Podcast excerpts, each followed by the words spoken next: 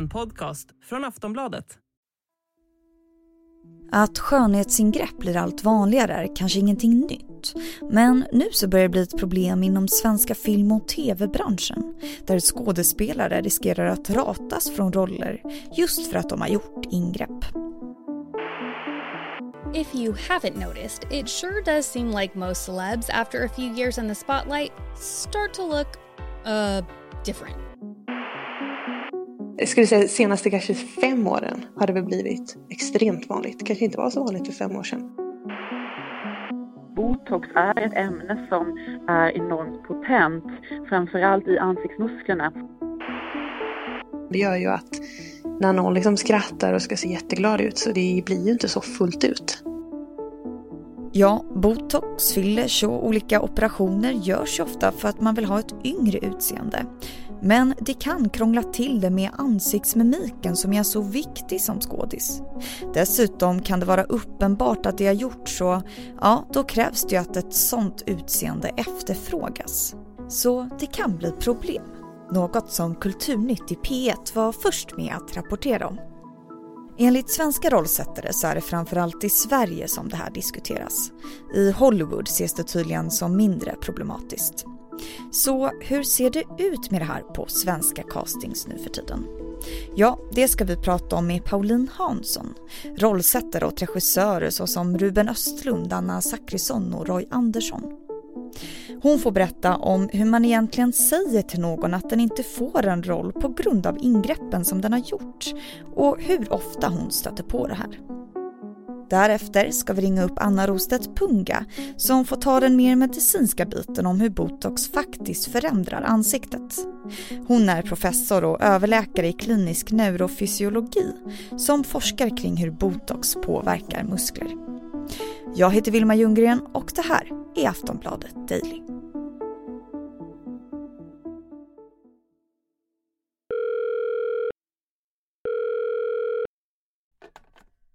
Hej Pauline! Hallå! Vi hör ju nu om skådespelare som inte får roller på grund av skönhetsingrepp som de har gjort. Du har ju erfarenhet av att ha kastat väldigt många människor. Har du själv märkt av det här? Ja, det har jag. Ehm, jag har senast jobbat med en produktion där vi har eh, letat efter eh, kvinnlig huvudroll i 50 plus ålder. Då. Ehm, där det har varit, där ett av kraven har varit faktiskt att eh, det inte ska vara några skönhetsingrepp gjorda på just den här karaktärerna. Så det är väldigt färskt. Var det svårt då att hitta någon? Ja, jag tycker det faktiskt tycker det är väldigt många som eh, har gjort något som man märker faktiskt. Mm. Och förutom att det liksom påverkar utseendet och att regissören kanske vill ha en viss typ av utseende, kan det handla om annat också? Att det påverkar mimiken och sådär i ansiktet? Ja, alltså det gör ju lite beroende på vart man sätter botoxen ju. Men till exempel pannan som är väldigt vanlig Eh, och runt liksom kråksparkar runt ögon. Det gör ju att när någon liksom skrattar och ska se jätteglad ut så det blir ju inte så fullt ut. Eh, för man har ju dödat de nerverna ju. jag, eh, jag, ja, tyvärr alltså så, så påverkar det ju hur uttrycket blir faktiskt. Mm. Eh, sen finns det ju de som har pyttelite, då kanske man inte märker. Men jag tror att man eh, lätt kan bli blind, att man tror att det inte märks så mycket som det faktiskt gör. Och hur säger man eventuellt det till en person? Eller kan man liksom ge feedback på det? Ja, men jag, jag gör ju själv både botox och fillers, ska jag säga. Mm.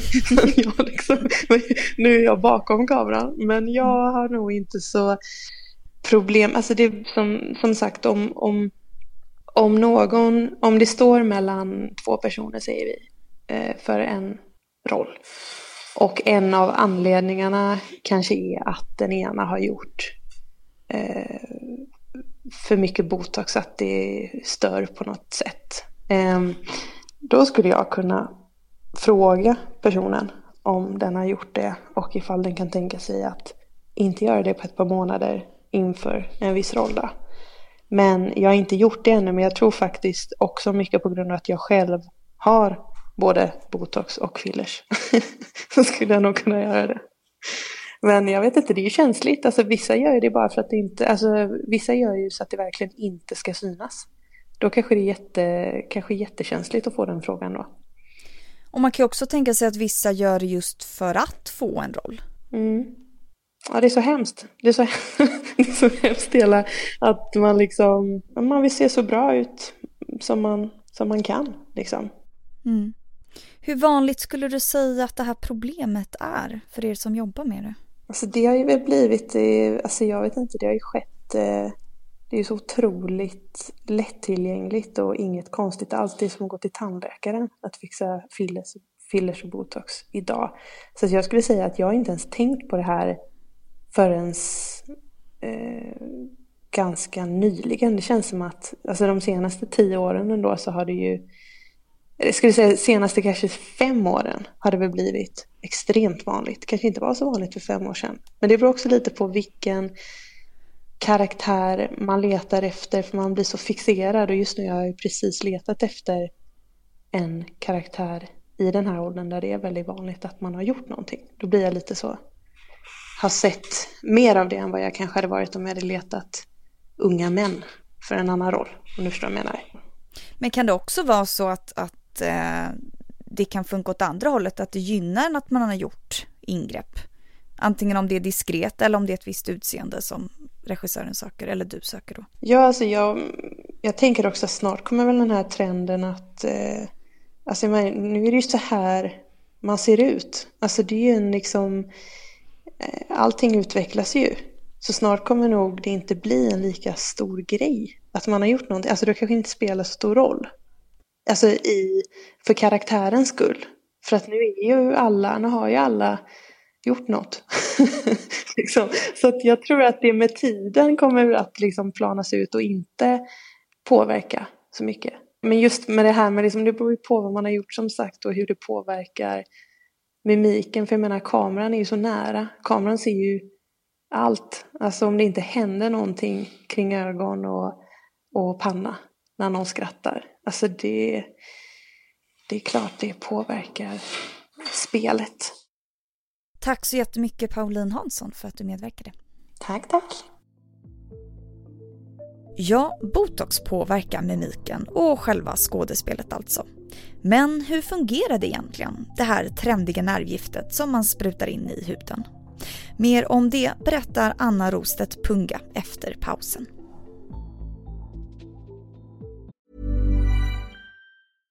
Flexibility is great. That's why there's yoga. Flexibility for your insurance coverage is great too. That's why there's United Healthcare Insurance Plans.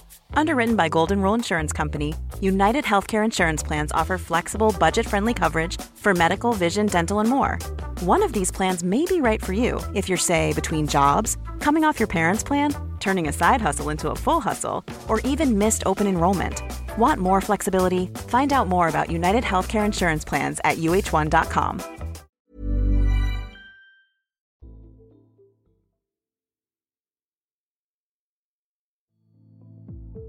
Ja, botox blir allt vanligare och vanligare. Vi låter Anna Rostedt Punga berätta mer om hur det faktiskt fungerar.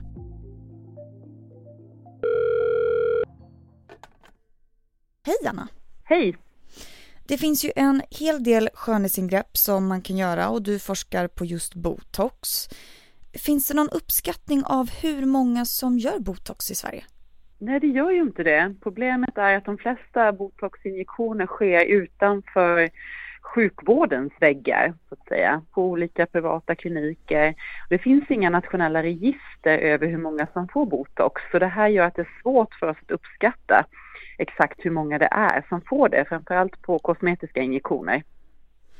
Och vad finns det för risker med att göra botox? Vi ska komma ihåg att botox är ju ett nervgift, det mest potenta giftet vi har faktiskt.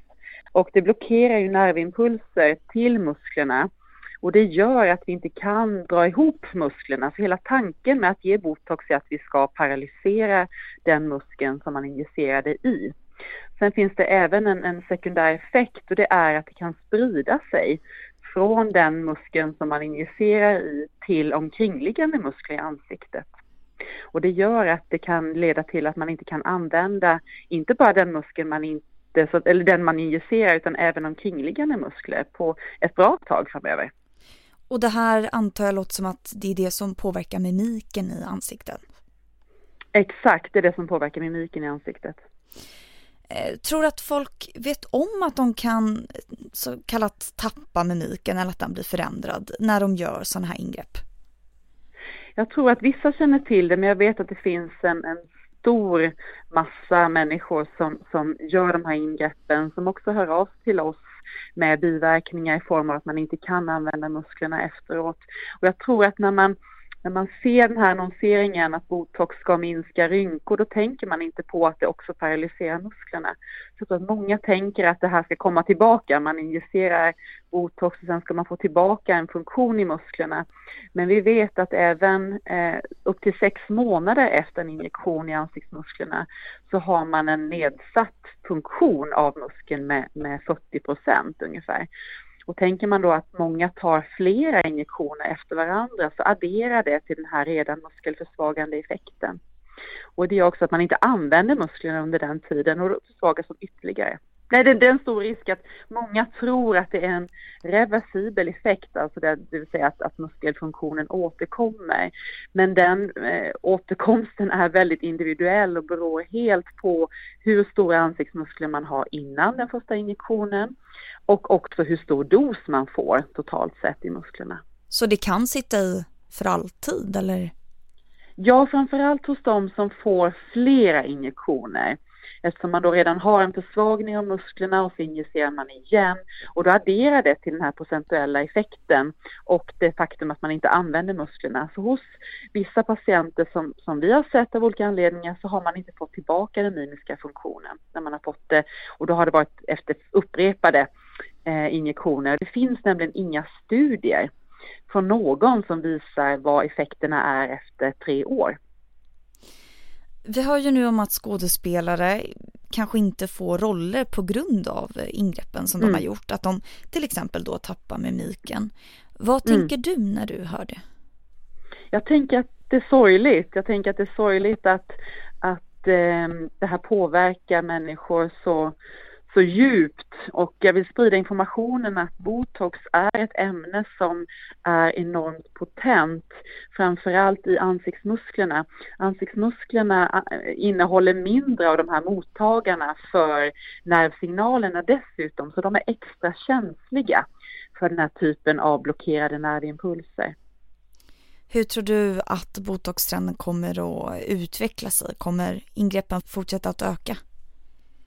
Jag hoppas att de kommer att minska, men det är min personliga uppfattning. Jag hoppas att de kommer att användas av de som verkligen behöver det, av olika medicinska eh, åkommor så att säga, men jag hoppas att det minskar på indikationen eh, citat rynkor. Därför att jag tycker att det är fantastiskt att vi har den mimiska muskulaturen, vi har den av en anledning och jag hoppas att det finns, eh, finns incitament för att vilja ha den mimiska muskulaturen framöver. Och jag blir lite rädd när jag hör historier om att, att yngre, och nu, nu pratar vi framförallt kvinnor, det är framförallt kvinnor som tar de här injektionerna. Kvinnor har redan mindre muskler till att börja med i ansiktet. Så de är känsligare än män. Eh, och det finns de yngre kvinnorna som, som vill använda det här i förebyggande syfte, att minska rynkorna. Och det, det, det funkar inte, så att det är bättre att använda sina muskler i ansiktet. Tack så jättemycket för idag. Mm, tack. Du har lyssnat på Aftonbladet Daily och senast här hörde du Anna Rostedt Punga, professor och överläkare i klinisk neurofysiologi. Innan henne intervjuades Pauline Hansson, rollsättare. Och jag som pratar med dem heter Vilma Ljunggren. Vi hörs snart. Millions of people have lost weight with personalized plans from Noom. Like Evan, who can't stand salads and still lost 50 pounds. Salads generally for most people are the easy button, right? For me, that wasn't an option. I never really was a salad guy. That's just not who I am. But Noom worked for me. Get your personalized plan today at Noom.com. Real Noom user compensated to provide their story. In four weeks, the typical Noom user can expect to lose one to two pounds per week. Individual results may vary.